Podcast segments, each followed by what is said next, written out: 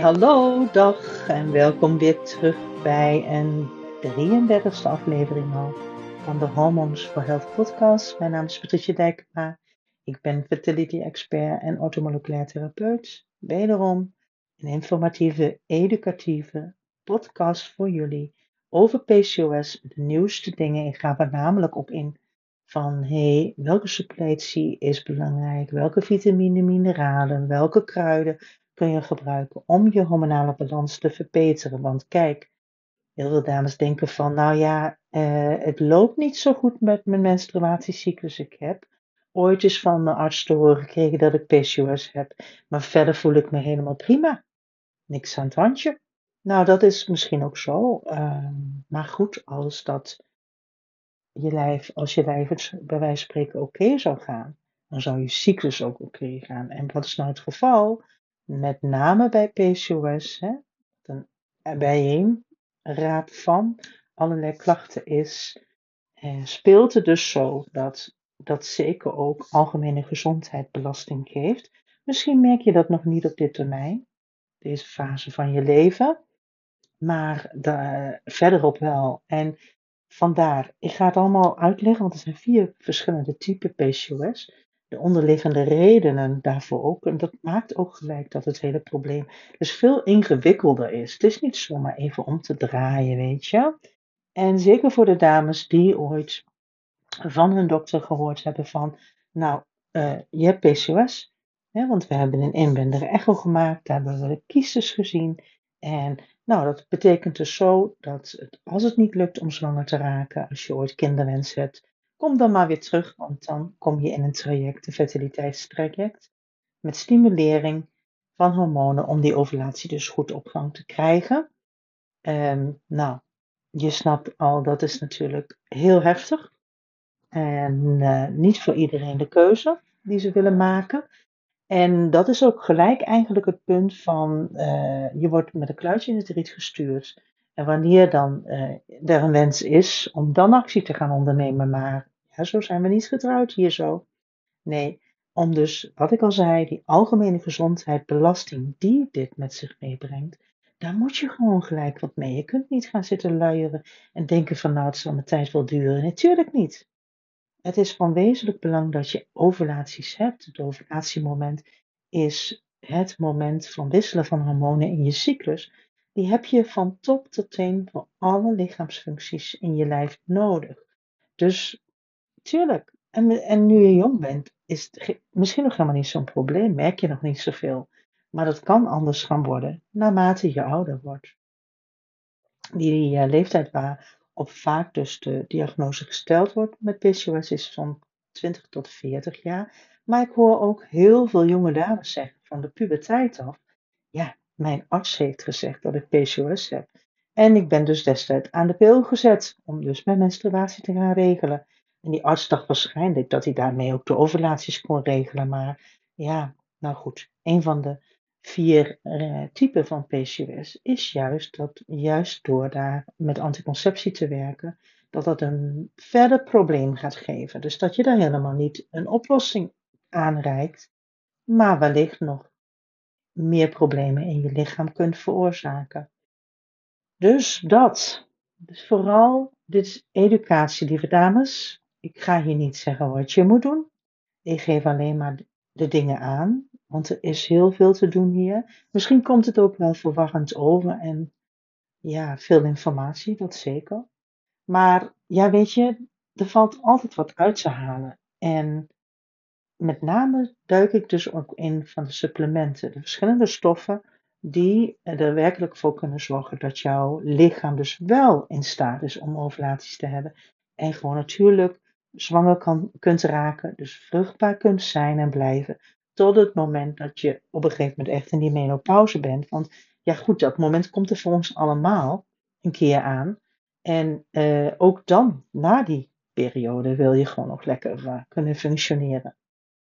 Dus, werk aan de winkel. um, wat, uh, wat hoor je dan vaak? Hè? Wat is dan vaak de reden om naar een arts te gaan? Dat is onregelmatige menstruaties, dus lange cycli En dan heb ik het over cycli die langer zijn als 35 dagen. Ja, want eerder hoef je eigenlijk nog niet aan de pijl te trekken, of tenminste, uh, tot 35 dagen is een regelmatige cyclus. Jouw cyclus mag dus best fluctueren. De ene keer 30 dagen zijn, 31, dan eens een keer weer 28 dagen. Daar is dan nog niets mee gezegd. We hebben het hier echt over anovulaire cycli. Zonder ovulatie wil dat zeggen. En dus ook lange cycli. En sommige vrouwen, ja, die hebben na het stoppen van anticonceptie bijvoorbeeld helemaal nog geen uh, menstruaties. Dus ook daar gaan we op in. Um, ja, of je komt er pas achter als je dus stopt met anticonceptie, omdat je een kinderwens hebt. En dat lukt dus nog maar niet. Dus uh, dat. En andere symptomen als de donkerverkleuring van de huid, bijvoorbeeld bij hals en onder de armen, of acne. Uh, er wordt gesproken over mannelijke hormonen, dat die dus wat hoger aanwezig zijn. En uh, dat kan dus ook een andere lichaamsbouw geven, meer de mannelijke lichaamsbouw, wat zwaardere stem of haargroei. Hirsutisme noemen we dat. Op het gezicht, lichaamsbeharing, zoals ook op de kin, de buik of de rug. Je kunt ook last hebben van haaruitval. En, uh, maar ja, als je nu hoort haaruitval, er zijn meerdere redenen dus waarom je haaruitval kunt hebben. Wil nog niet direct zeggen dat je dus PCOS hebt. Hè? Je kunt ook een zinktekort hebben of heel veel stress. Maar uh, psychische klachten, depressiviteit komt ook veel voor. Dus laten we maar eens kijken naar de vier typen van PCOS. Zoals de naam ook al aangeeft, is het een uh, syndroom, dus een bijgeraapt boel van klachten van allerlei problemen onder één noemer, wat dus een naam heeft gekregen. En dat vraagt ook aan de andere kant de benadering van verschillende onderliggende oorzaken. Want als er veel meer klachten zijn, kunnen er natuurlijk ook meer oorzaken zijn.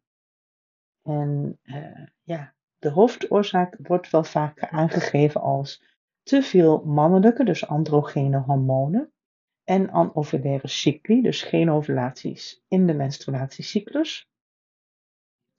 En ja, dat is natuurlijk de reden waarom dus ook je menstruatiecyclus langer duurt bij 60% van de vrouwen uh, met PCOS mislukt dus de ijsprong. Dus het is ook weer zo dat we hier al een 40% hebben die gewoon wel ijsprongen hebben. Dus uh, vandaar, stel je hoort toch bij die 40%, dan kun je dus nog wel gewoon zwanger raken. En uh, andere dingen, dus de vier typen, welke typen dus bij jou verstoord zijn en hoe je dan vervolgens de klachten aan moet pakken, dat gaan we nu dus helemaal doornemen. Uh, je kunt uh, als eerste type uh, speelt vaak mee insulineresistentie. Je kunt PCOS hebben na gebruik van anticonceptie. Dat is dan meestal tijdelijk, maar bij sommige vrouwen kan het ook wat langer duren. Dat is al de tweede type van waarop, waarmee dus PCOS kan optreden.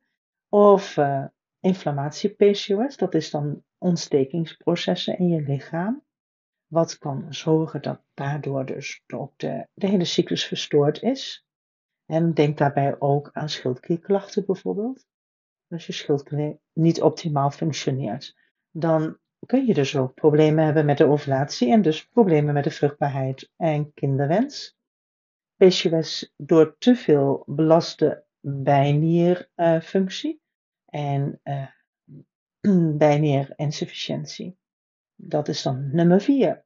Laten we ze allemaal eens doornemen. Eerst eens even kijken naar dat teveel van mannelijke hormonen. Hè? En hoe zit dat dan ook precies? Of over die kiesten. PCOS wordt uh, veroorzaakt door dus een overschot van mannelijke hormonen. Hè? Zo wordt het beschreven in de medische literatuur. Mits er geen andere oorzaak van een androgeen overschot is. Hè? Uh, ondanks dat de naam eh, polycysteus ovarian syndrome uh, niets te maken heeft met kiesten in de eierstok. Want het kan ook. Hè? Dus, dus um, meest bekend is dat ze dan uh, zeggen van nou, dat heeft dus met kiestes en blaasjes te maken die zichtbaar zijn bij een inwendige echo. Dan zijn er geen uh, van de eierstokken, maar eigenlijk ja, spelen wel deze klachten. Dan moet je natuurlijk wel eerst even kijken van, is er een, bijvoorbeeld een aangeboren afwijking, waardoor er sowieso bij die vrouw meer androgenen, dus denk aan testosteron als hormoon wordt aangemaakt.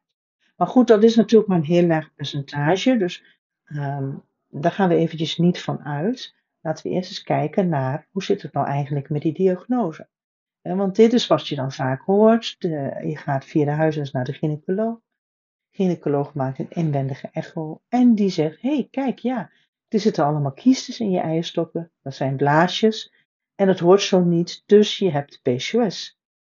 Maar eigenlijk er zijn die follicles en die, dus die, die blaasjes waar de eitjes uh, in zitten, dat is gewoon zoals het normaal voorkomt in de eierstokken. Ja, een tiener heeft al uh, 25 follicles in iedere eierstok.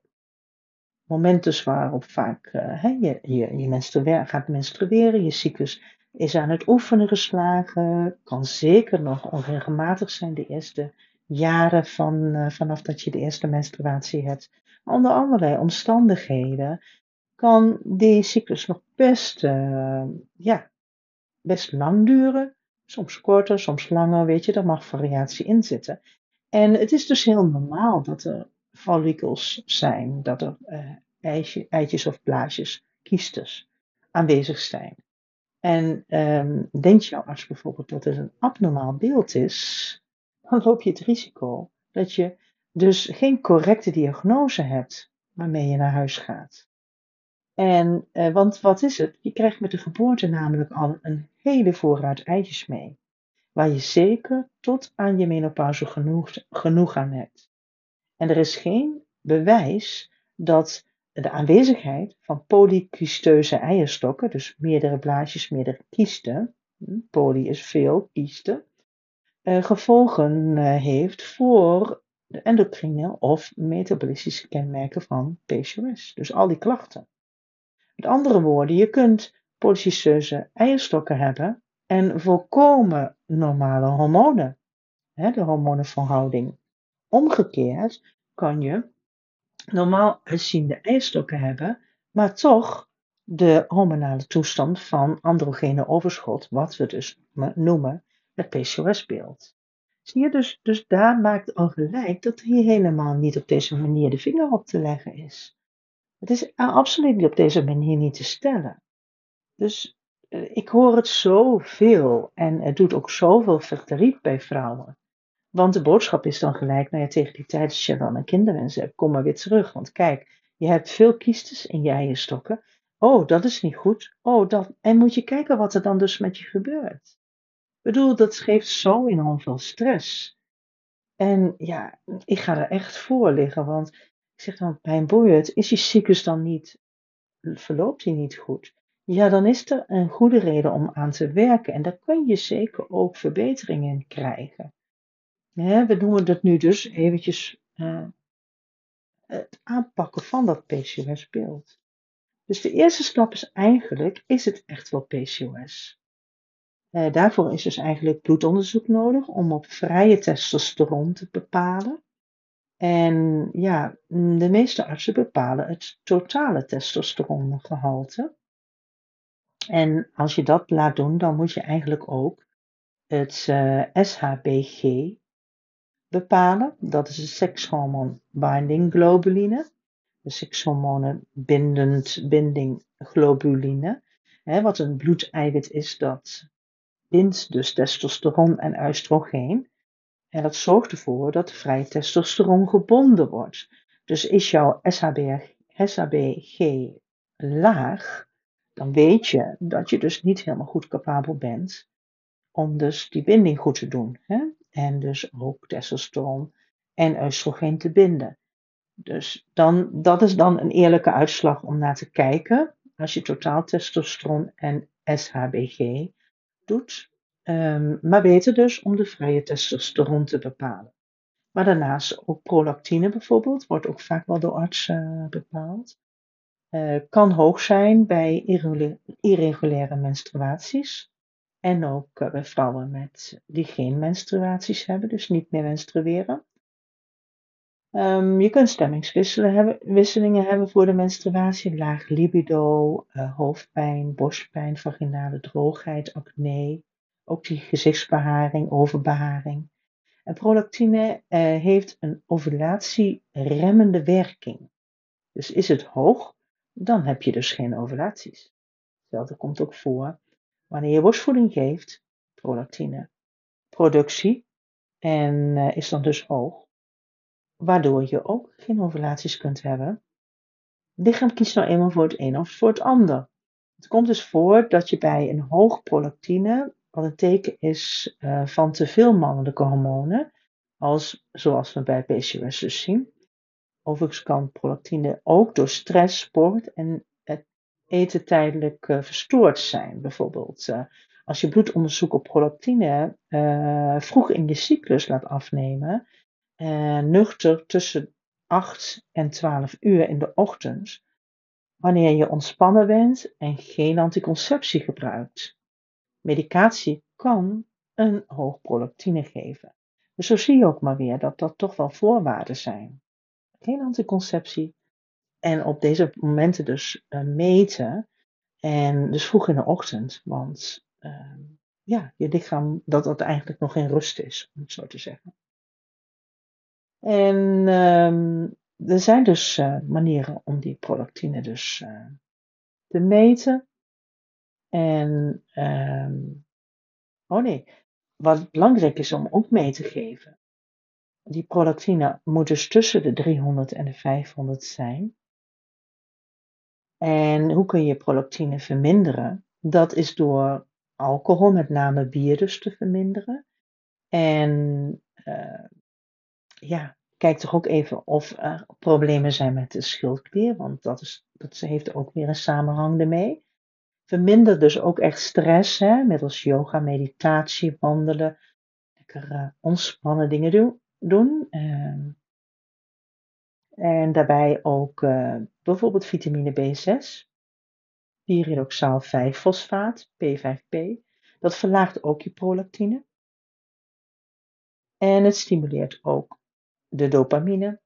En daarbij ook Vitex, Vitex agnus castus, verlaagt ook je prolactine.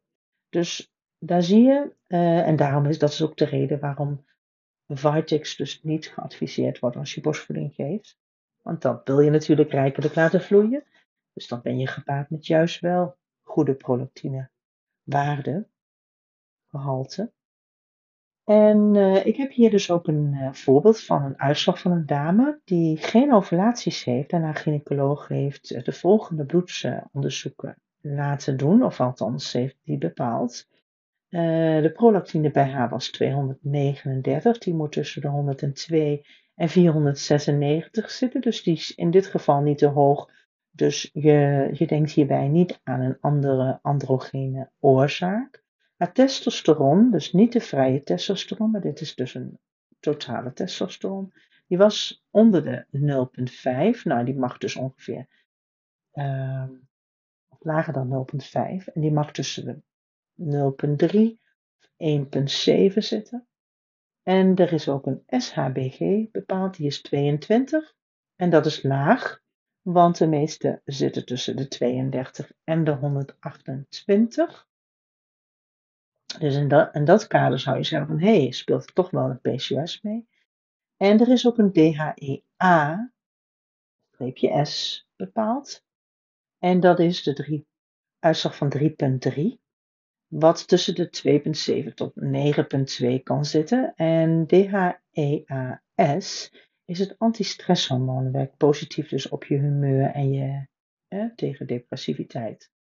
Deze dame is sinds het jaar met de pil gestopt, maar heeft die pil wel 15 jaar geslikt. En de pil heeft een hoge androgene index door de chemische namaakstoffen progestagene, die meer lijken dus op de testosteron dan op een progesteron. Je natuurlijke progesteron, wat je zelf na de ovulatie maakt. Ovulatie wordt door de pil natuurlijk helemaal onderdrukt, die heb je dan niet tijdens de pil. En uh, wat doet het wel? uh, die, die, die stoffen, dus de chemische stoffen in de pil, die lijken dus meer op testosteron dan dat ze op progesteron of progestageen op zichzelf lijken. En uh, gezien ze dus een laag SHBG heeft, kunnen we stellen dat ze onvoldoende eigen oestrogeen en testosteron maakt. Ja, dus dan is de conclusie van de arts was hier eigenlijk geen, geen eh, PCOS, maar wel uh, duidelijk dat zij uh, een lange cycli heeft en geen ovulaties. Zie dus, dus in die, dit, dit geef ik even mee, dit voorbeeld, omdat ook met bloedonderzoek het dan nog, nog steeds niet helemaal echt goed duidelijk hoeft te zijn. En uh, ja, ehm, ik heb altijd met, met bloedwaarden zo ook van, of bijvoorbeeld met speeksel ook, um, ja, voor mij telt meer eigenlijk van, nou, heb je daadwerkelijk wel of niet ovulaties? En dat, laten we dat dus eerst even helemaal goed in kaart brengen. dat kun je dus makkelijkst doen door ook je basale lichaamstemperatuur te meten, waarvoor je de Daisy kunt gebruiken of de Ladycomp. En dat geeft dan een heel goed inzicht in alles. En als het zo dat je cyclus dus niet helemaal lekker verloopt, dan ja, heb je alle reden dus om aan de slag te gaan. Dan ben je ook gelijk, dan zie je ook gelijk van hé, wat laat je lichaam nu eigenlijk werkelijk zien? En hoe moet je dat verbeteren? Nou, daar geef ik dus in deze podcast aan jullie ook verdere informatie over. Dat je het lekker, lekker gewoon zelf mee aan de slag kunt. Dus hoe gaan we dit nou oplossen? Uh, toch meer te weten komen van wat er werkelijk in haar lichaam gebeurt. Want ja, die waardes, uh, ja, je, je, je kunt hier nog niet zoveel mee. Dus uh, wanneer je dus een perfect inzicht krijgt in wat je lichaam in staat is, en dat is natuurlijk al veel meer waard. Hè? En uh, vandaar lekker aan de slag met cyclus. Cyclus uitwerken, in beeld krijgen. En um, ja, dan zul je tegenkomen van of je daadwerkelijk ovulatie hebt of niet. En wat is dan de stelregel? Heb je drie cycli achter één, dus je kunt gewoon menstrueren zonder dat je ovulaties hebt. Ik heb het al zo vaak gezegd, dat lijkt voor heel veel vrouwen van, nou ja, ik menstrueer toch dus, ik heb een goed verlopende cyclus, ik ben vruchtbaar, ik kan zwanger raken. En als dat dan dus niet lukt, dan, dan raken ze zich een beetje van slag. Dan uh, raak je in de paniek. Maar uh, ja, het is juist belangrijk om te weten wat gebeurt er in de tussentijd. Drie cycli achter één, dus geen ovulaties. Wanneer je dat ziet, trek aan de bel maken, één op één afspraak uh, en het PCOS-consult, wat we doen. Dus er zijn allemaal manieren om daar even goed samen naar te kijken. Nou, de eerste type die ik uh, met jullie wil bespreken, dus die insulineresistentie. 70% heeft een insulineresistentie. Uh, resistentie, dat is wel. Uh, uh, staat met kop en schouders bovenaan. Ook als je geen PCOS hebt, kun je ook insulineresistent zijn. Dus deze informatie, dames, let goed op, komt ehm, voor heel veel van ons van pas. Ook al, ehm, ja, loopt je cyclus misschien toch lekker, maar misschien heb je wat verschillende klachtjes ik zal ze zo opnoemen.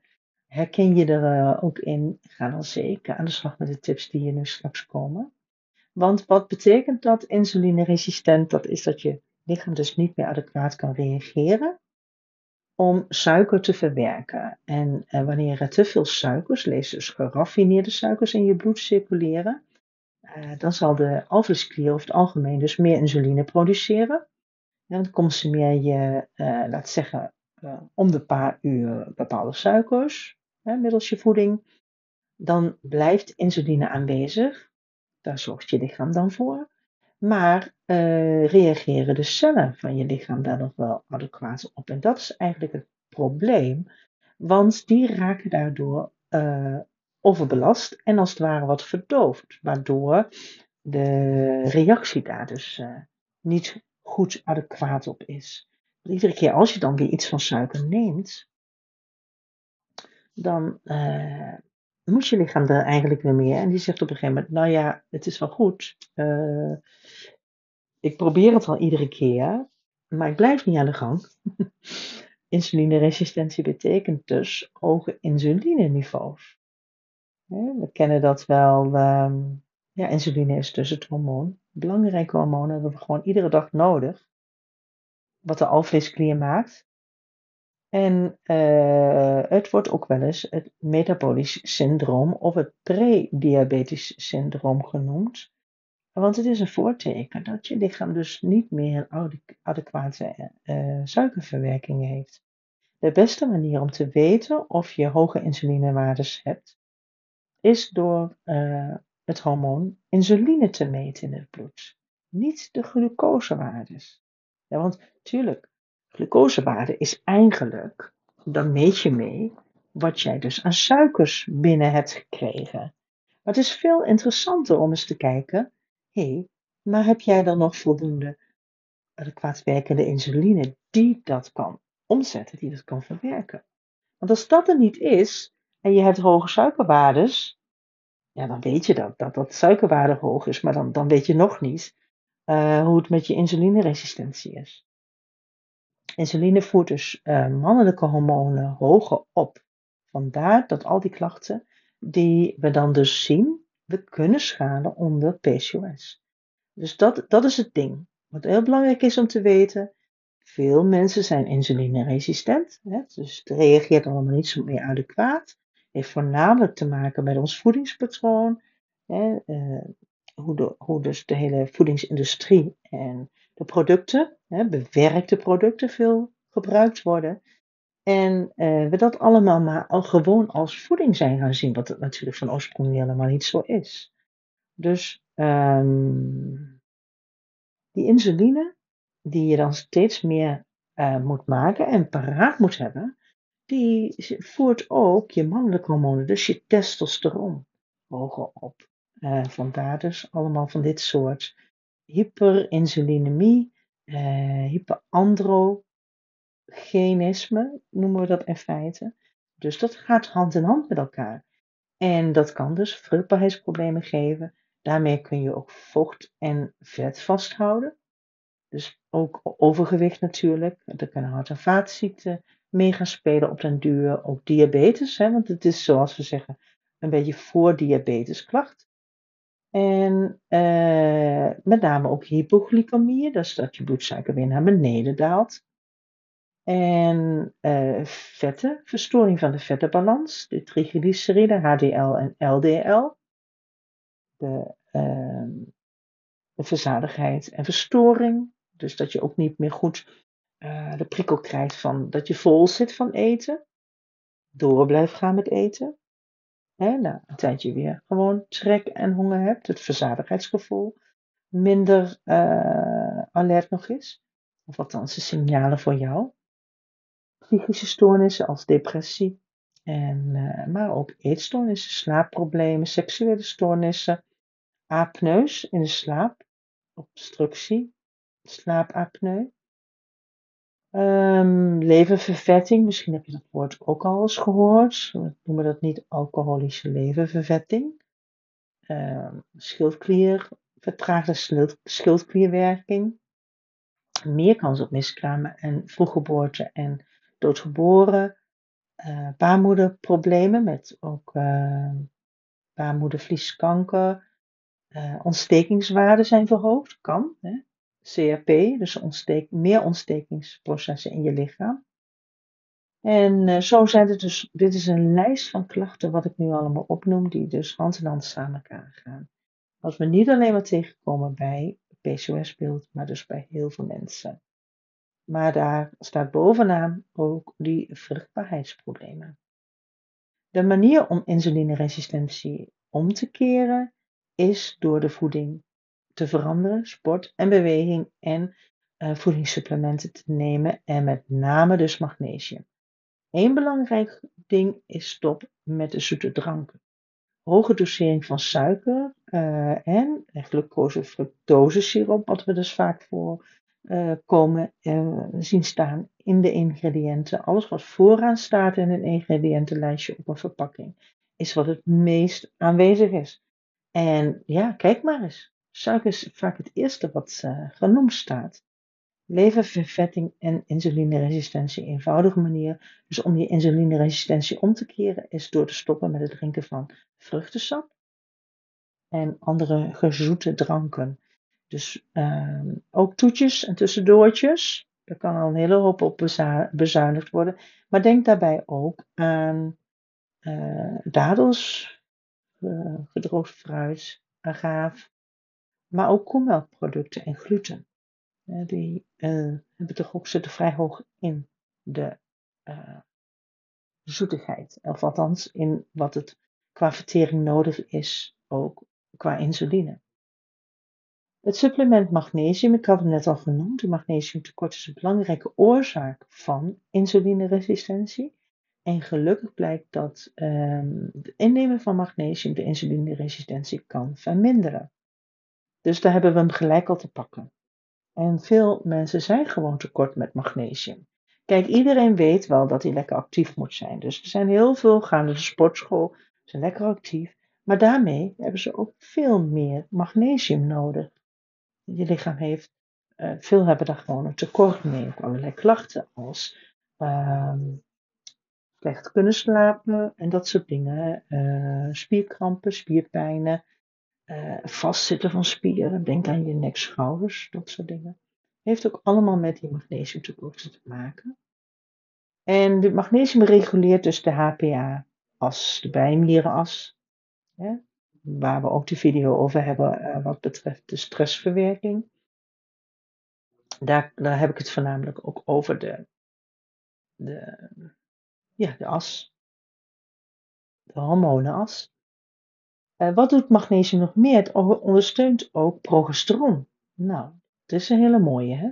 Progesteron wil je juist rijkelijk hebben. En het vermindert ook uh, de suikerbehoefte. Dus het helpt mee met de suikerverwerking. En uh, wat doet magnesium daarnaast? Het vermindert ook ontstekingen. Nou kijk, dan hebben we gelijk weer het andere type te pakken wat ik net al zei. De ontstekingsfactoren. Dus dat er ook meer ontstekingen kunnen zijn. Met magnesium pak je dat dus allemaal aan. Uh, je kunt wel zeggen magnesium is een hormoonredder. En dan heb ik het over magnesium bisglycinaat met taurine. Dat is, heeft wel mis van mijn uh, voorkeur. Uh, want dat is een aminozuur wat ook echt die insulinegevoeligheid kan verminderen, kan verbeteren. De stress. Ja, je kent het, wie kent het niet? Uh, stress sloopt dus magnesium van je lichaam. De levensstijl zoals wij die huidig hebben, daarvoor hebben we gewoon ook uh, veel meer magnesiumbehoefte. En het zit nou eenmaal nauwelijks nog meer in onze voeding, omdat het niet meer in de bodem voorkomt. Dus je zult hier gewoon echt magnesium moeten toevoegen, middels een supplement. We hebben dus gewoon extra nodig. Nou, nog even induiken in wat magnesium dan verder voor je ehm, hormonale balans doet. Het kalmeert je zenuwstelsel, dus het reguleert dus de HPA-as, je stresscontroleersysteem, wat via de hypothalamus en de hypofyse de bijnieren loopt. Eh, het centrale hormonale systeem, zoals het geregeld wordt, wat dus je menstruatiecyclus regelt. Magnesium verlaagt de bloed, bloedsuikerspiegel en normaliseert de insuline. Nou, kijk, hoe belangrijk is dat? En uh, daarmee uh, verbeter je dus je insulinegevoeligheid. Het is als het ware een natuurlijke oplossing. En dan kun je je ook afvragen, hoe kan het dan ook zijn hè, dat zoveel mensen hier last van hebben? Nou, dat is toch niet zo moeilijk als we weten dat het ook veel, hè, het voedingspatroon veranderd is, maar dat het ook veel minder in, ons, in, zo, in onze huidige voeding zit. Gezonde insulinegevoeligheid betekent minder hunkering ook weer naar suiker. Dus heb jij van die cravings, heb je behoefte aan extra zoet en, en echt behoefte aan snaaien, snoepen, dat soort dingen, dan weet je eigenlijk al dat je een magnesiumtekort hebt. Maar zeker dus bij die PCOS, een heel belangrijk mineraal. En het ondersteunt ook de gezondheid van onze schildklier essentieel dus voor de productie van schildklierhormonen. En het is ontstekingsremmend, dus het helpt ook uh, die anti-immuun, uh, auto-immuumontstekingen waar schildklieraandoeningen een voorbeeld van zijn. Om die dus te benaderen en andere manieren van om de auto-immuunactiviteit van de schildklier aan te pakken. Um, zijn ook het verminderen van gluten. Ja, want gluten is belastend voor de darmen. Geeft dus ook laaggradige ontstekingen in de darmen. Verteringsissues en microbioombelasting. En uh, ja, daarbij speelt overigens ook wel weer selenium een uh, factor. Om, uh, als je selenium aanvult, help je daar ook weer een handje bij. Dus zo hebben die mineralen ook weer interactie met elkaar. Wat doet magnesium nog meer? Lekker slapen. Uh, denk er maar eens aan om s'avonds een paar magnesiumtabletjes te nemen voor het slapen gaan. En met name dus die magnesium bisglycinaat, omdat er het aminozuur glycine bij betrokken is en ook taurine. En zoals we in het Cyclus Plus pakket ook hebben, wat je op de Daisy Shop, de Daisy site, daisy.nl in de shop treft. Cyclus Plus pakket. En magnesium voedt uh, gezonde mitochondriën. Nou, wat zijn de mitochondriën? Zijn belangrijk voor de hormonale gezondheid, omdat steroïdhormonen, dus de, de hormonen die je tijdens de cyclus nodig hebt, in de mitochondriën worden aangemaakt. En magnesium normaliseert de werking van progesteron in het centrale zenuwstelsel. Nou kijk, daar kom je ook alweer bij. Uh, het stukje van uh, migraine, uh, perimenstruele, me, nee, perimenopausale klachten moet ik zeggen. Nou, ook alweer zoiets. Hè? Um, ja, magnesium zorgt gewoon voor, meer ontspanning. Maar dus ook een betere werking van je progesteronhormoon. En uh, nog een ding, magnesium stimuleert ook je vitamine D. Dat activeert letterlijk je vitamine D. Zonder voldoende magnesium kan vitamine D niet goed zijn werk doen. Dus omgekeerd kan een teveel aan vitamine D een magnesiumtekort veroorzaken. Ja, ja, ja. Kijk, dan hebben we het ook alweer. Dus um, geen zonnebril als je buiten bent. Want het is belangrijk dus om dat licht en donker, dat we ons dag-nachtritme goed uh, Want de zon is van wezenlijk belang ook voor ons hele systeem, ook voor je cyclus. En dus het aanmaken van vitamine D via de huid. Als je onvoldoende zonlicht binnen hebt, dan maak je die vitamine D niet goed aan. En um, ja, ik zeg het zo vaak, vitamine D3 is het voorhormoon van je cyclushormonen.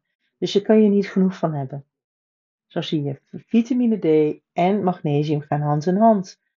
En ook daarbij nog even melden dat magnesium zeker ook vertragende werking heeft bij de veroudering.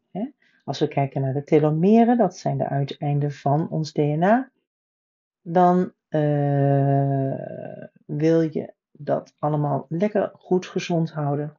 Oxidatieve stress te verminderen en uh, ook de productie van glutathion verhoogt je. Dus dat is een um, detoxificatie, wat we iedere dag doen in de lever, waarvoor we het stofje glutathion gebruiken. Dat ze slapen waakritme, het circadiaans ritme is dat, hè? dus de lichaamsklok, de dag- en nachtklok. Uh, dat heeft diepgaande effecten op onze glucosemetabolisme en dus ook onze insulinegevoeligheid.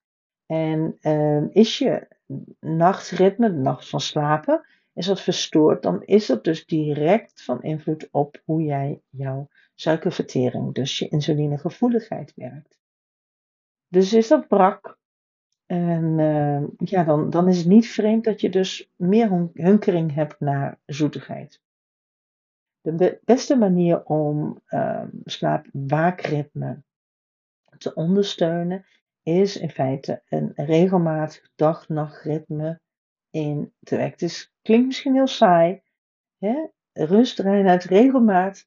Uh, dat telt voor eten, dat telt voor slapen, telt voor ontspanning, voor rust. Even gewoon dus niet. Hè? Een gezond ritme en zeker ook uh, zorgen dat je niet te veel meer in dat uh, felle licht, het blauwe licht kijkt, s'avonds. Dat je ook echt je lichaam de kans geeft om rustig af te bouwen en s'avonds te ontspannen, zodat het ook een betere slaapkwaliteit heeft. Ja, en zo heeft dat uh, dus direct invloed op je insulinespiegels.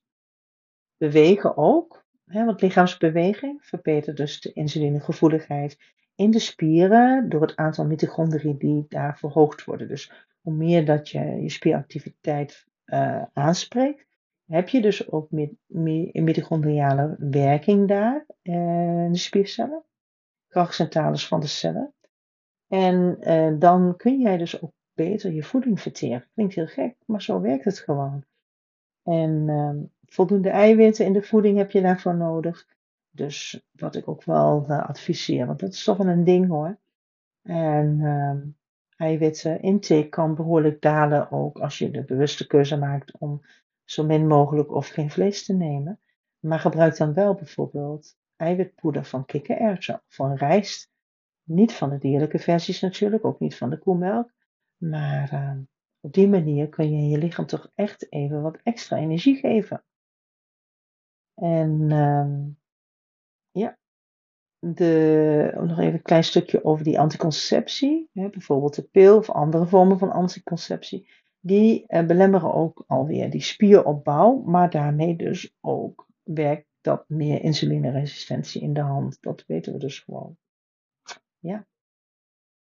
Uh, de tweede type, het tweede type wat we hebben, uh, had ik al gezegd, de anticonceptiegebruik. Het vrij normaal dat na anticonceptie stop tijdens uh, tijdelijk dus klachten uh, kunnen optreden. Dat horen we veel. Kijk, je, je hebt eenmaal de stap genomen en je wilt je natuurlijke cyclus hebben. Maar ja, voor, helaas gaat het voor heel veel vrouwen toch met, met wat klachten gepaard. En kan allemaal zijn vanwege die ineens hoge niveau van mannelijke hormonen. En dat kan van acne zijn, ook haargroei. Gewoon echt wel vervelend, want je denkt van, oh jee, daar gaan we weer, weet je. Daarvoor was ik nou juist aan die pil gegaan of aan die pil gezet. En nu komt het allemaal terug. Ja, logisch, het is aan de onderkant al die jaren niet eens opgelost. Uh, dus je, je lichaam krijgt een flush eigenlijk alles te verwerken. Je huid is eenmaal een uitlaatklep, is een uh, uitscheidingsorgaan, is het grootste uitscheidingsorgaan wat we hebben. Dus dat komt naar buiten toe. En de telkens stijging dus van die uh, androgenen is al, uh, is voldoende om in aanmerking te komen voor die diagnose van PCOS. Hè? Want ja, al dit soort klachten, die vallen daar dus onder. En uh, we schalen dat ook wel onder het postpil syndroom. Dus uh, in dit geval zeggen we dan dus een PCOS veroorzaakt na uh, pilgebruik of anticonceptiegebruik. Ik adviseer dames die stoppen met anticonceptie, dus de pil, spiraal, prikpil, implantan, nuvaring, ontspan in feite en weet dat dit is symptomen zijn van de ontwenningsverschijnselen van de medicatie. Een anticonceptie is medicatie. Het zijn namaakstoffen, chemische stoffen die in die producten zitten. Je hebt dus al die tijd je lichaam voorzien van een hele prullenbak. Een hele prullenbak aan uh, chemische stoffen. En uh, zo gauw dat je daar dus mee stopt, geef je je lichaam de kans om die prullenbak te legen. Om even goed schoonmaak te houden. Nou, en wat is het dan ook weer fijn om al die uitgelaat van dat uh, grote uitscheidingsorgaan van de huid, dus gewoon ook te gaan gebruiken. Dus niet gek hè, dat het aan die kant dus ook uh, vervelend genoeg te zien is. En uh, daar noemen we het ook wel een tijdelijk probleem, omdat als je het goed opvangt met je voeding, goed ondersteunen en ook wat supplementen gebruikt, je leven daarbij lekker warmpjes verzorgt, dat, um, dat dat dus alleen maar positief uitwerkt. Want je, je, bent, je hebt gewoon de stap al gezet. Je lichaam wil er vanaf. Nou, eens even kijken, waar zijn we? Dus de ik had ook al gezegd hè, dat uh, dus die anticonceptiegebruik, dus die insulineresistentie ook nog weer eens uh, beïnvloedt. Hoe vervelend ook nog. Dus dat oh, krijg je er ook nog bij. Hè? Dat is dan ook nog een stukje van uh, herstel erin. Hè, dat je stofwisseling toch anders gaat. Veel vrouwen verliezen daardoor ook extra kilootjes. Dus dat is allemaal positief. En, maar weet ook dat anticonceptie dus um, de functie van de eierstokken belemmert. Ja, dat is ook wel de bedoeling, want daarom is het een anticonceptie. Want het houdt dus op die reden maar, uh, ja, houdt de zwangerschap tegen. Uh, maar het is natuurlijk heel vervelend als daarna je eierstokken niet meer aan de gang willen. Dan heb je nog meer problemen. En um, dus dat. Verstoorde hormonale balans door onregelmatige cyclus dus wat je dan tegen kunt komen. Nou, eh, je weet, jullie weten, als professional help ik je er ook graag bij. Het helpt zeker ook als je metingen hebt van een aantal cycli.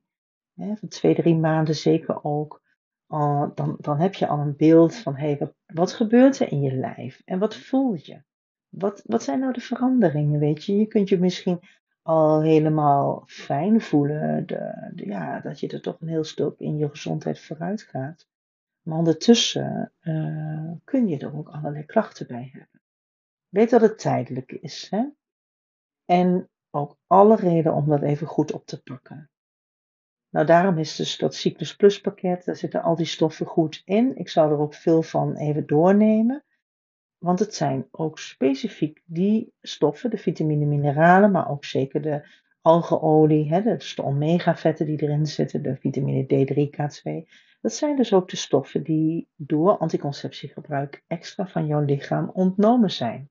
Die zijn alleen al nodig geweest om dat pilletje of dat spiraal, de stoffen die daarin zitten, om die uh, gewoon goed te verwerken. Nou, we komen bij een supplement, maar ook bij de kruiden.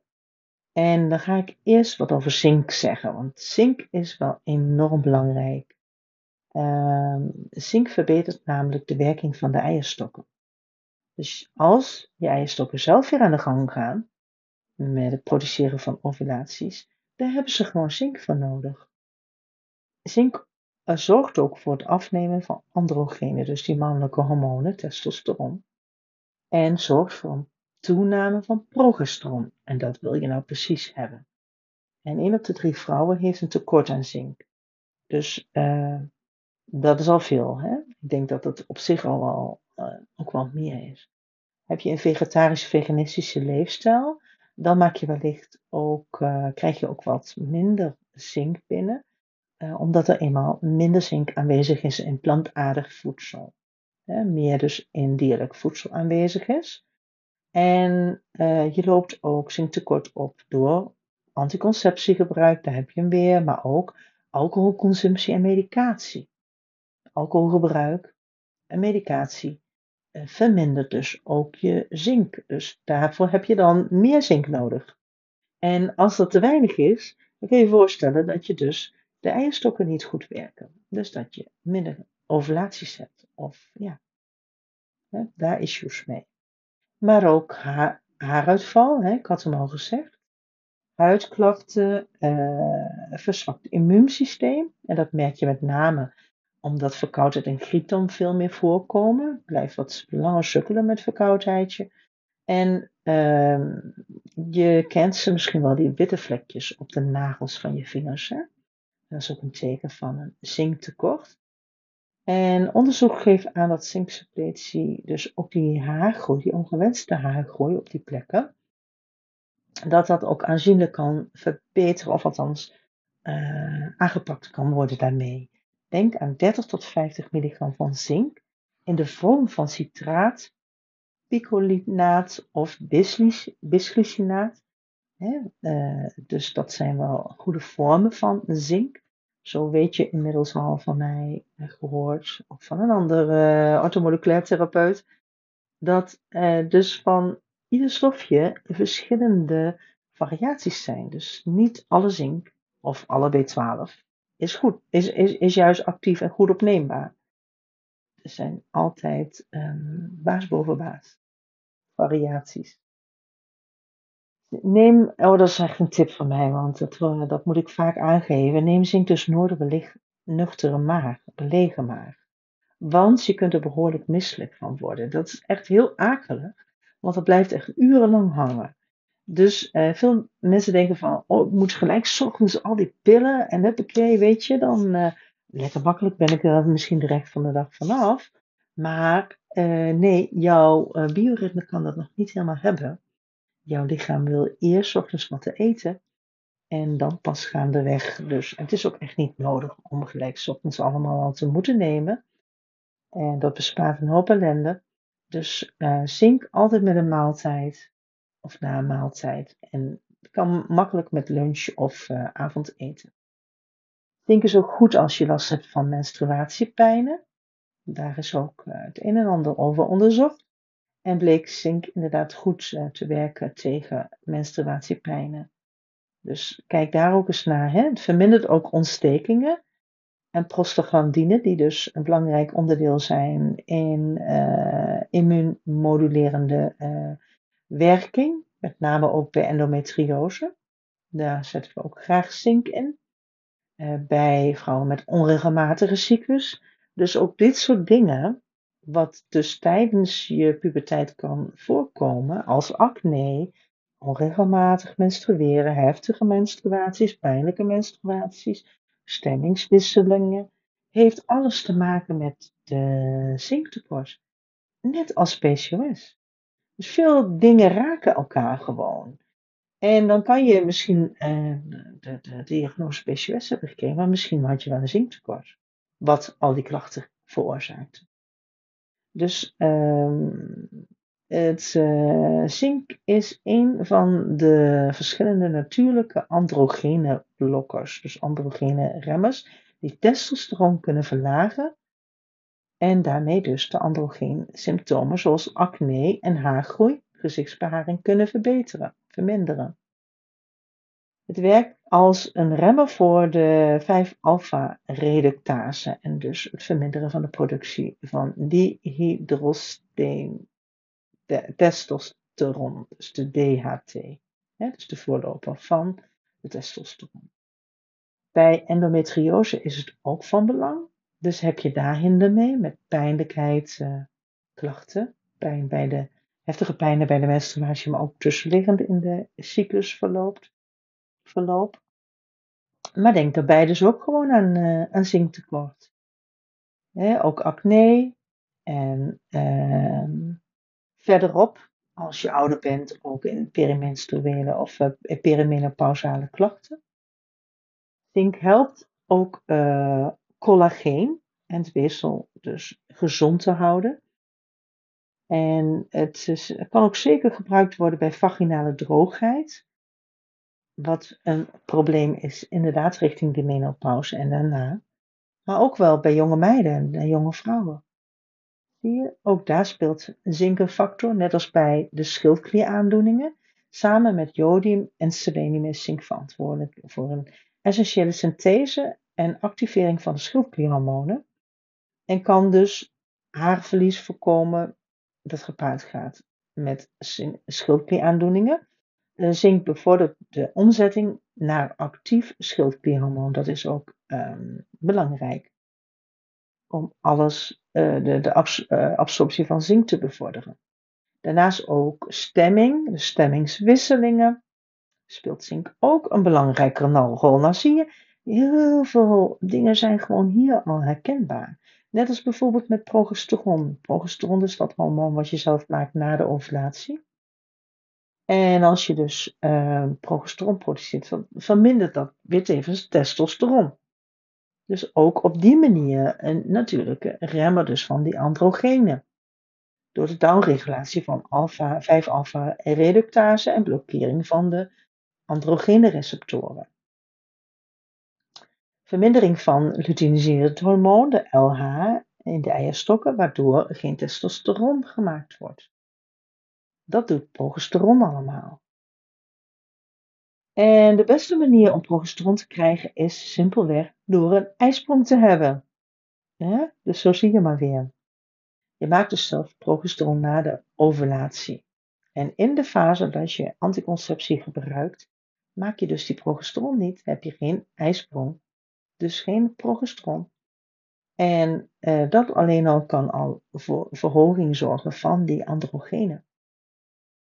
Dus ook de lichte uh, versterking aan de schildklier. Uh, en allemaal van die klachten die daarmee gepaard gaan.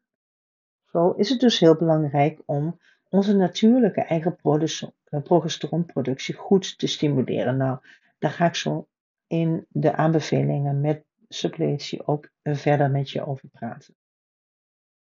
Um, want er zit gewoonweg in hormonale anticonceptie niet een progesteron. Dat is, uh, er wordt aangegeven, het zijn progestogenen. Uh, waarvan we dus weten dat de meeste in feite meer lijken op testosteron. De derde vorm die ik met jullie door ga nemen, type, is ontstekingsreacties. En daarbij kun je denken aan verschillende chronische inflammatieprocessen. Laaggradige ontstekingen noemen we dat ook wel. Uh, het kan zorgen dat je eierstokken te veel testosteron produceren.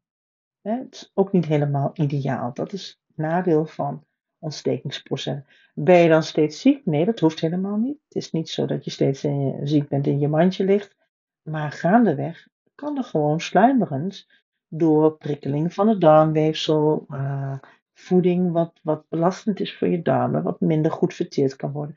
Kan dus gewoon sluimend um, is je zorgen, waardoor je bijvoorbeeld opgeblazen darmen hebt, winderigheid, uh, pijnen, klachten, van die dingen, weet je.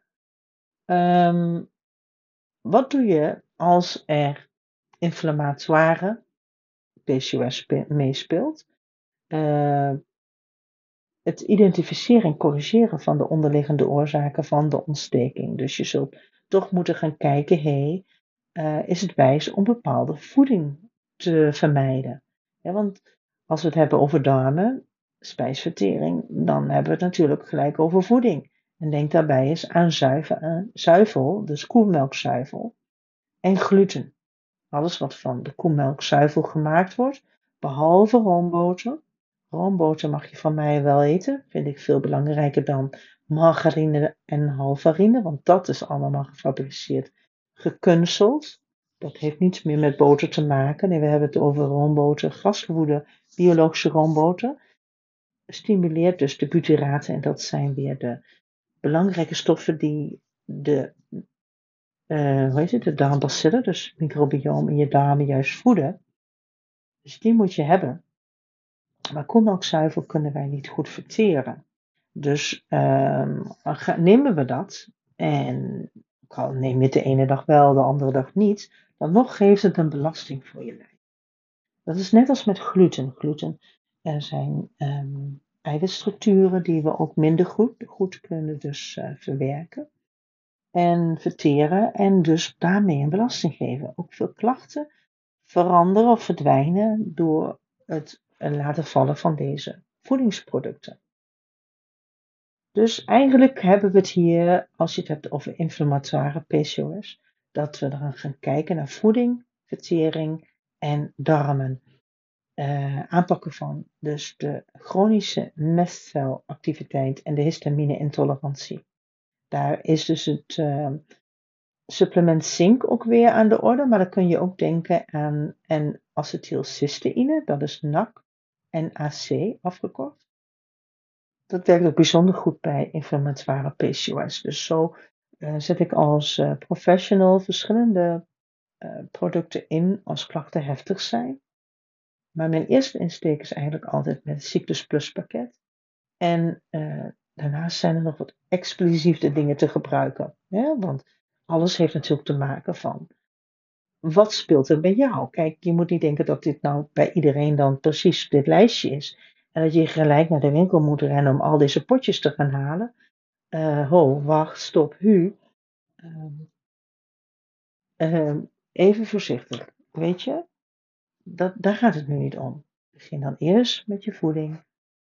En zorg dat je belangrijke vitamine mineralen, hè, daarvan hebben we al een paar genoemd, magnesium, zink, dat je die zeker erbij pakt. De ontgifting dus is belangrijk, toxine, dus zorg ook dat je niet te veel giftige stoffen binnenkrijgt, want alles moet door je fabriek verwerkt worden. Wat erin komt, moet er ook weer uit. En uh, ja, dat is een, een dingetje. Je inflammatoire PCOS, dat uh, kun je karakteriseren, of althans voor jezelf zeg van hé, hey, speelt dat nou bij mij? Uh, dan zou je kunnen denken aan verschillende criteria. Bijvoorbeeld dat je onverklaarbare vermoeidheid hebt. Dus je, je bent enorm vermoeid, je staat s ochtends op, maar eigenlijk ben je na een half uur of uur alweer zo ver dat je kunt denken van oh, ik verlang weer naar mijn bed. Dus uh, dat soort vermoeidheid waarbij je bijvoorbeeld niet in een burn-out situatie of niet te veel stress of noem maar op. Hè? Dus um, dan kijken we altijd naar hoe met darmproblematiek. IBS, Irritable Bowel Syndrome, bowel, bowel, bowel, bowel, dus um, prikkelbare darmsyndroom in het Nederlands. Of bijvoorbeeld SIBO, uh, Irritating Syndrome ja en nee, nou raak ik even in de war. Dus dat is de wat hogerop liggende dus, um, verstoring van de darmen. Auto-immuunziektes zoals schildklierziekte van Hashimoto of bijvoorbeeld hoofdpijn, gewrichtspijn, chronische huidaandoeningen, hè, daar kan je ook last van hebben, psoriasis, eczeem, netelroos. Dan ben je dus um, meer ook, um, als deze dingen aan de orde zijn, dan kun je toch ook wel kijken dan is het heel belangrijk om te kijken naar, uh, hey, hoe ontstekingsgevoelig ben je? Dus het hele darmverhaal. Nou, nog even een stukje over de vierde type, de bijnieren adrenaline PCOS. En dat is wanneer vrouwen dus PCOS hebben, een verhoogde uh, androgene, dus die testosteron, waaronder ook uh, niet alleen testosteron, maar ook androstenediol uit de eierstokken en de DHEA-S uit de bijnieren spelen. Dus zo zie je dat er dus um, ja, meerdere hormonen dus eigenlijk uit balans zijn. Als alleen bijvoorbeeld de DHEA-S verhoogd is, maar bijvoorbeeld een normale testosteron en androstenediol, dan uh, heb je misschien is er misschien sprake van bijnier PCOS. Wat doet die bijnier? Die bijnier die um, zorgt voor uh, je uh, cortisol. Cortisol, dus je stresshormoon. En dat kan behoorlijk uitputten. Dus dan, dan, dan, ja, dan heb je dus uitgeputte bijnieren, zoals we dan zeggen. Maar uh, dat is vergelijkbaar met een genetische aandoening, de late onset con congenitale bijnierhyperplasie, CAH. Maar ja, dat is natuurlijk een genetische aandoening. Dus voor artsen, die, die kijken daar enkel naar. Maar kijk, dat heeft niet iedereen. Dus het gaat niet specifiek om een genetische aandoening. Nee, in dit geval is het zo uh, dat het niet veroorzaakt wordt door insulineresistentie of ontstekingen. Um, maar het is dus een epigenetische upregulatie van het bijnier androgeen. En hierbij is ook de behandeling magnesium, zink. Je kunt ook nog denken aan zoethout of adaptogene kruiden, waar we zo dadelijk ook over gaan hebben. Dus zie je, uh, ook hier komen weer die die stoffen weer tegen. Zien we die weer. Um, dus even, dit, dit, is een wat lastiger dingetje. Hè? Dus je snapt het al wel, dit is wat moeilijker eigenlijk uit te vogelen. En um, daarom is het ook de nummer 4. En heb je al een van de eerste drie al goed aangewerkt, dan zal het zeker al met je gezondheid een heel stuk beter gaan. Waardoor er ook veel minder stress in je lijf is. Daar gaat het om. Het is, stress is niet alleen maar van buitenaf, hè? met een vervelend werk of een, uh, een baas die maar steeds hogere eisen aan jou stelt, of uh, hè, de belasting in je, in je gezin of maatschappij uh, druk steeds hoger komt te liggen. Nee, het, het, is ook de stress die we van binnenuit van ons leven hebben, van de voeding die we moeten verteren, van de verwerking daarvan. Dat, dat is ook stress. En uh, je kunt dus meer dan één van deze typen hebben. Dus de typen staan in uh, volgorde ook qua prioriteit. Dus als je insulineresistentie hebt, uh, dan is dat eigenlijk wel het ding. Zelfs ook als je ontstekingen hebt. En, ehm, maar alles met elkaar eh, kan, kan het natuurlijk ook zijn dat je bijvoorbeeld net toch van die anticonceptie afkomt. Hè? Dus er kunnen meerdere dingen door elkaar heen lopen. En dat is ook helemaal niet erg, want uh, je gaat zien dat uh, de oplossing best wel meerdere kanten raakt. Denk ook bijvoorbeeld aan die, eh, die stress, uh, waarbij dus cortisol en uh, het kortdurende adrenaline en noradrenaline productie overneemt. De productie van cortisol, dus door de HPA-as, de hypofyse-hypothalamus bijnieras, en um, dat de boventoon voert en dus daardoor ondergeschikt de HPTA-as en de HPG-as van de gonade, dus de, de eierstokken. De schildklier en de eierstokken dus ondergeschikt raken. Dus dat, dat is natuurlijk ook wel een heel belangrijk ding. Dus je kunt door lange stress uh, de schildklierkant gaan werken, waardoor verminderde aansturing komt van de geslachtsom organen, dus van geslachtshormonen, libido, vruchtbaarheid en dus ook menstruatiecyclusproblemen kunnen optreden. Want chronische stress en slechte spijsvertering, bijvoorbeeld prikkelbare darmen of infectiegevoeligheid, eh, dat is continu dus een alarmstand en dus een uitputting, vermoeidheid ook, een verstoring ook weer van je slaappatroon. En maar ook hoe je je voelt, hoe je lekker in je vel zit of niet, meestal dus niet neerslachtig, depressief en prikkelbaar. Alles heeft dus met elkaar te maken. En uh, ja, dat, dat, dat, dat raakt dus alles ook met je vruchtbaarheid. Uh, je cyclushormonen, die disbalans die daarin kan ontstaan.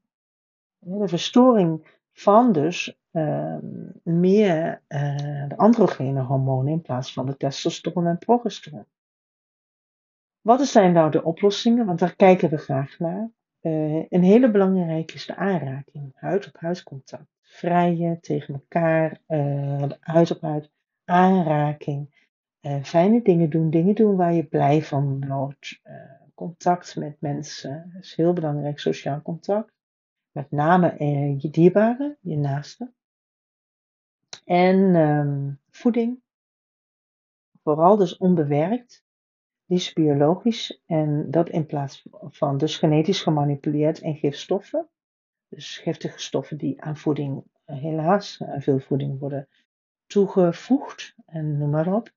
Dat uh, moet je lichaam dus ook allemaal weer verwerken. En kijk ook eens naar de snelle suikers, de geraffineerde suikers, de bewerkte voedsel, alles wat verpakt is, wat uh, langer houdbaar is daardoor, Hè, vinden we wel lekker makkelijk, maar ehm, daar zit veel suiker in. Maar je kunt bijvoorbeeld ook reageren op koffie of alcohol of chocolade. Want ehm, dat zijn ook dingen die een flush kunnen geven. je krijgt het van alcohol bijvoorbeeld lekker warm. Maar dat komt omdat het je lichaam in feite in een soort stress brengt. Daardoor krijg je ook veel suikers ineens te verwerken. En uh, dat kan koffie ook doen. Koffie kan ook zo'n flush geven. Het um, voornamelijk ontspannen. TV lekker uit, want ja, het is uh, grotendeels ellende wat daar verkondigd wordt. Uh, meest van tijd niet positief. De prijs zet mensen tegen elkaar op. Uh, veel angstbeelden. Hè? wat ons uh, gemoedstoestand ook niet goed doet. Ga voor rustige muziekjes, social media gewoon aan de kant, even geen Instagram, Facebook, TikTok, noem maar op. Schermtijd verminderen. Veel buiten in de buitenlucht. Wees dus lekker jezelf. Ga gewoon lekker aarden uh, in de natuur. Geniet van echt dat moment specifiek, weet je, die tijd dat je daar bent. Uh, de echt, um, ja, lekker door laten verwonderen eigenlijk. Hè? Het uh, gaat hier ook om gematigd bewegen, wandelen, yoga, ontspannende oefeningen. Je hoeft niet, niet direct heftig aan de sport te gaan, hoewel we weten dat spierarbeid verrichten, dat dat zeker ook positief werkt ten aanzien van de insulineresistentie. Um, maar zit je lichaam in een verhoogd stressalertheid, dan kan dat ook nog weer extra triggeren. Dus doe, start vooral lekker rustig. Ontspanning. Wandelen is gewoon lekker ontspannen en ook rustig voor je lichaam. Um, ja, alles vergroot dan dus ook je weerbaarheid en hoe je dus zelf in je vel zit. En uh, als ik dan toch even het overstapje mag maken naar de kruiden die ik zo belangrijk vind in dit kader, dan wil ik graag naar ashwagandha kijken. Dat is het um, kruid van Ayurvedische oorsprong, al eeuwenlang bekend. En dat werkt on ontzettend goed, rustgevend, ontspannend. Het reguleert ook je cortisolafgifte, het stresshormoon. Het herstelt je adrenaline en noradrenaline afgifte en het geeft over het algemeen een welbevinden. Het ondersteunt je geheugen, het zorgt voor betere slaapkwaliteit, mindering van stress en angst. Een ander kruid, ook zo'n fijne, dat is safraan. Uh, safraan, ook wel krokus, hè?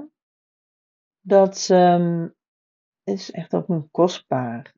Ja, moet van goede kwaliteit zijn. Dus ik werk ook enkel met merken die dat ook echt verantwoord goed controleren. Waar de bedjes van gecontroleerd worden. Je weet anders werkelijk niet wat je erin hebt zitten. Ze kunnen het erop zetten, maar als ze het niet precies kunnen aantonen en aan veiligheidscriteria voldoen, ja, dan wil ik er eigenlijk al niet eens met die merken samenwerken. Uh, wat doet Safraan? Positieve gemoedstoestand. Steunt onder andere ook ondersteunt je geheugen, je concentratie, leervermogen hoe je psychisch in je vel zit, hoe je je welbevinden is. En het vermindert ook weer die angst. En zorgt dat je beter sociaal kunt functioneren. Uh, wat Safran ook heel mooi doet, is dat hij de balans tussen de sympathicus en de parasympathicus. Hè? Dat is dus je actieve en je rust zenuwstelsel. Die twee, die moeten in balans zijn. Dus het werkt ook heel goed bij depressiviteit. Wordt vaak ook uh, als natuurlijk middel daarvoor ingezet. Zo zie je hoe belangrijk dat ook is. Want hier hebben we te maken met hoe dus in feite vanuit het zenuwstelsel, vanuit je hersenen de aansturing is voor je menstruele cyclus, voor de hormonale uh, cyclus. Vitex, ik had hem al uh, geroepen, dat is monnikspeper. Ook wel vrouwenkruid, of althans een belangrijk vrouwenkruid genoemd. Het is een medicinale plant uh, wat rond de Middellandse Zee groeit, zijn eh, gedroogde bessen, kruisbloem.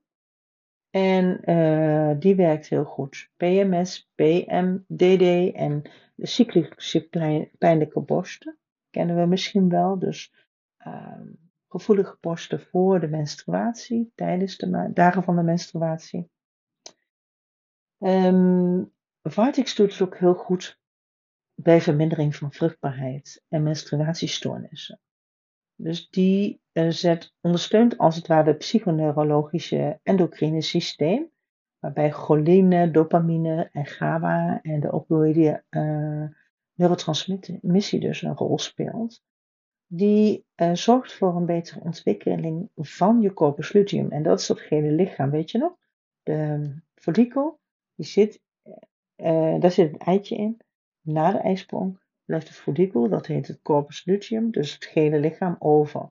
En wat doet Vitex? Die zorgt dus um, voor een betere ontwikkeling van het corpus luteum. Dus dat het corpus luteum meer en beter dus de progesteron kan maken. Nou, dat is echt super cool. En eh, daarnaast ehm, remt het ook de werking of de hoogte van prolactine, hè, waar we al eerder over spraken. En het is daarnaast ook een antioxidant, dus ook weer ontstekingsremmend en pijnstillend in eigenschappen. Dus uh, het werkt corrigerend in de progesteronproductie, dus bij een progesterontekort, dus een corpus insufficiëntie, zoals het officieel heet. Het wordt veel ingezet bij menstruatiestoornissen, zoals onregelmatige cyclus, korte, lange cycli en uh, geen menstruatie, maar ook bij vrouwen met overmatig bloedverlies. Dus het doet ook zijn werk bij menstruatiepijnen. Uh, hè? Veel bloedverlies, krampen. Samen met magnesium natuurlijk weer. Hè? En uh, dus dit is echt super cool. Um, ook bij endometriose, vlees, vleesboom, noem maar op. Verminderde vruchtbaarheid. Ja, kan ik gewoon niet om die Vitex heen. Dat is gewoon echt uh, essentieel. Ook langdurig gebruik van Vitex kan, is absoluut niet een probleem. Uh, vrouwen gebruiken dit kruid echt jaar in jaar uit. Maca, uh, dat is de kruisbloemige Peruaanse ginseng. En die heeft dus voornamelijk ook een chronische stressreductie. Bij uitputting en chronische vermoeidheid, PMS, menstruatiepijn, laag libido, wat natuurlijk ook bij mannen voorkomt, impotentie en acne, vermindering van de vruchtbaarheid voor de man of voor de vrouw, en vervroegde veroudering, maar ook ten aanzien van prestaties in de sport. En in die zin is het dus heel veilig om te nemen, mits je dus, in dit geval spreek ik, spreek ik over een specifieke makersoort. Uh, want er zijn heel veel so makersoorten. En, maar voor de cyclus is, uh, is een specifieke. Ik heb het al over magnesium gehad cofactoren en zorgt dus voor 300 enzymale en energieproductiefactoren zoals in de hormonen en de neurotransmitters in je lichaam. Ook voor uh, gemoed, concentratie en geheugen. Dus zo zie je dat al deze dingen, en ze zitten gewoon in het Plus pakket, op allerlei fronten dus meehelpen voor het grote gezamenlijke doel. Vitamine D3 hè, vergroot de insulinegevoeligheid. Dat helpt gewoon een handje mee. Dus je kunt je wel nagaan. Zoveel mensen hebben een tekort aan vitamine D. Je moet echt boven de 100 zoveel zitten in vitamine D-waardes van je bloed. Dus 20, 30, 40, 50, 60 aan, aan getal is gewoon veel te weinig. De dames met PCOS, met anovulaire cycli, uh, geen ovulaties, problemen met lange cycli, die zet ik op goed gedoseerd vitamine D3 K2. Echt van wezenlijk belang. Ook voor je tanden, botten, weerstand, hè, immuunsysteem, geestelijke veerkracht. Werkt zelfs kalmerend en stressverlagend. Dus um, ja, ja. 75 tot 150 microgram vitamine D zit ik per dag. En dan dus met K2, omdat K2 zorgt voor een betere opname van de vitamine D weer in jouw lichaam. Nou, ik ben. Nou, ik heb er nog een paar jongens. Kunnen jullie nog even? Want uh, volgens mij wordt het een hele lange aflevering. Maar goed, veel informatie ook. Hè? Uh, ik heb het echt alles bij elkaar verzameld om het op deze manier voor je, aan je voor te leggen. Ja, het, het is gewoon een breed begrip. Ik kan het echt niet smaller maken als het nu is. Het is een groot begrip. Um, die vetzuur, als we het dan hebben over omega-3. Het liefst werk ik nu met algeolie. Gewoon puur omdat het, uh, ja, het visolie gebeuren is uh, ja, toch minder duurzaam. Is ook minder goed, in, ja moet ik zeggen, um, hebben we veel meer van nodig. Als dat we het op dierlijke basis doen. En daar zijn ook gewoon hele goede algeolies. Die datzelfde resultaat kunnen bereiken. De DHA-vetzuren hebben dus een goede werking op je hersenweefsel, je geheugen, je concentratie, maar zorgen ook voor een betere stressbestendigheid. Je cholesterolspiegel vaart er wel bij en is ontstekingsremmend. Want we wilden natuurlijk ook die ontstekingsfactoren het meest uh, ja, in de goede banen leiden. Um, je hebt eenmaal uh, omega-3 of uh, algeolie gewoon langere tijd nodig. Dus zeker drie maanden gebruiken om daar resultaat te krijgen. Mensen die gevoelig zijn met laaggradige ontstekingen of allerlei klachten. Denk bijvoorbeeld aan huidproblematiek, acne. Uh, ja, wie kan het eigenlijk niet gebruiken, weet je? Het is zo van belang hoe, hoe goed ons hersen- en geheugen- en concentratiesysteem blijft werken. Dat, ja, dat, dat, is, dat is een stuk wat we eigenlijk al, ja, dat moeten we gewoon tijdens, voor een uh, conceptie, dus voor kinderwens, tijdens zwangerschap al ruim goed gebruiken. Goede kwalitatieve omega of algeolie gebruiken. En ook daarna. Je geeft zoveel, geef je mee aan je volgende generatie. Ja, dus uh, ook voor kinderen, hè. Vitamine C is een cofactor voor uh, je energieproductie en je immuunsysteem. Het is een antioxidant. Het bevordert dus ook gezonde cellen en je weefsel. En wat je doet met vitamine C, daarmee help je dus ook je opbouw van je adrenaline en noradrenaline. Dus bij verhoogde stress kun je dat systeem beter nog aan het werk houden als dat je dus op een gegeven moment de cortisol aan gaat uh, wakkeren. Dat vermindert dus ook stress, angst en de depressie. Nou, ik ben een groot fan van uh, goede vitamine B12 in het kader van ondersteuning van je leven. Heel belangrijk, hè? Hormonale ziektes en leven, methylatiesysteem en ontgifting. Maar B12 kalmeert ook. Het heeft een onstresswerkende uh, kracht bij uh, de neurotransmitters, dus de serotonine en de GABA. Stimulering, dus via de HPA-as. En uh, ja, dus ik werk enkel met de actieve vormen van B12. Die vind je dus ook in het Cyclus Plus pakket. En ja, dan zijn er nog allerlei variaties mogelijk. Ik noem even de namen rhodiola, dim. Misschien heb je daar ook wel eens van gehoord. Doet ook goed met uh, de aromatase enzymen en uh, receptoren. Nou, myo-inositol natuurlijk. Hè, misschien ook wel eens van gehoord. Uh, verhoogt dus de insulinegevoeligheid ook en vermindert de androgenen en ondersteunt regulatie van de ovulatie. Ja, de giro-initiatol verhoogt, vergroot of sorry, ja, ik haal ze door elkaar. De giro-initiatol vergroot de insulinegevoeligheid, zo moet ik het zeggen.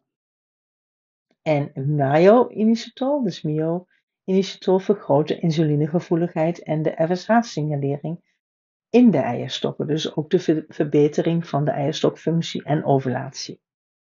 Dus zo, dat zijn twee verschillende vormen van inositol. En dan hebben we het dus over verhouding. Hè, 40 staat op 1 van mayo-inositol en de-gero-inositol. Dat kan. Dus zo kan het te combineren zijn. Eh, maar vergeet ook vooral berberine niet. Berberine is een hele mooie natuurlijke uh, stof en quercetine, die zit ook bij de vitamine C in. Net als de zink zit in het Cyclus Plus pakket ook uh, quercetine en uh, glutathion, dus ondersteuning van de lever, zit bij de vitamine C in. Dus daarom is het ook zo fijn om dat op die manier te combineren zo samen. Zo zie je, zo hebben we veel gemene dingen samen in dat pakket, het Cyclus Plus pakket, wat je dus in de shop treft. Als je naar deze.nl gaat, ga naar de shop en daar vind je de ondersteunende pakketten voor je cyclus. Maar dat is dus supergoed ook wanneer er allerlei klachten zijn die we onder de noemer van PCOS uh, dus kunnen schalen. En uh, ja, daarmee pak je dus heel veel tegelijk. Dat is het mooie. En dan ook nog eens een ding. Het zijn gewoon goede vitamine die ook je algemene weerstand ondersteunen. Waar we in de voeding ook veel tekort van mee binnenkrijgen. En wat voor allerlei dingen goed is. Zodat jij gewoon lekker, fris en kunt genieten van alles wat je tegenkomt, wat je, wat je leuk vindt, wat je, wat je om je heen hebt. Weet je, dat je er ook van kunt genieten. Dat is waar het om gaat. Nou, lieve mensen, daar, uh, daar wil ik mee afsluiten. Ik wil je ontzettend bedanken voor het luisteren naar deze aflevering. En ik zie je graag, graag weer terug, want ja, het houdt niet op. Ik ga gewoon lekker door. Ik wil je nog voorzien van hele fijne informatie. Dus tot de volgende keer. Groetjes!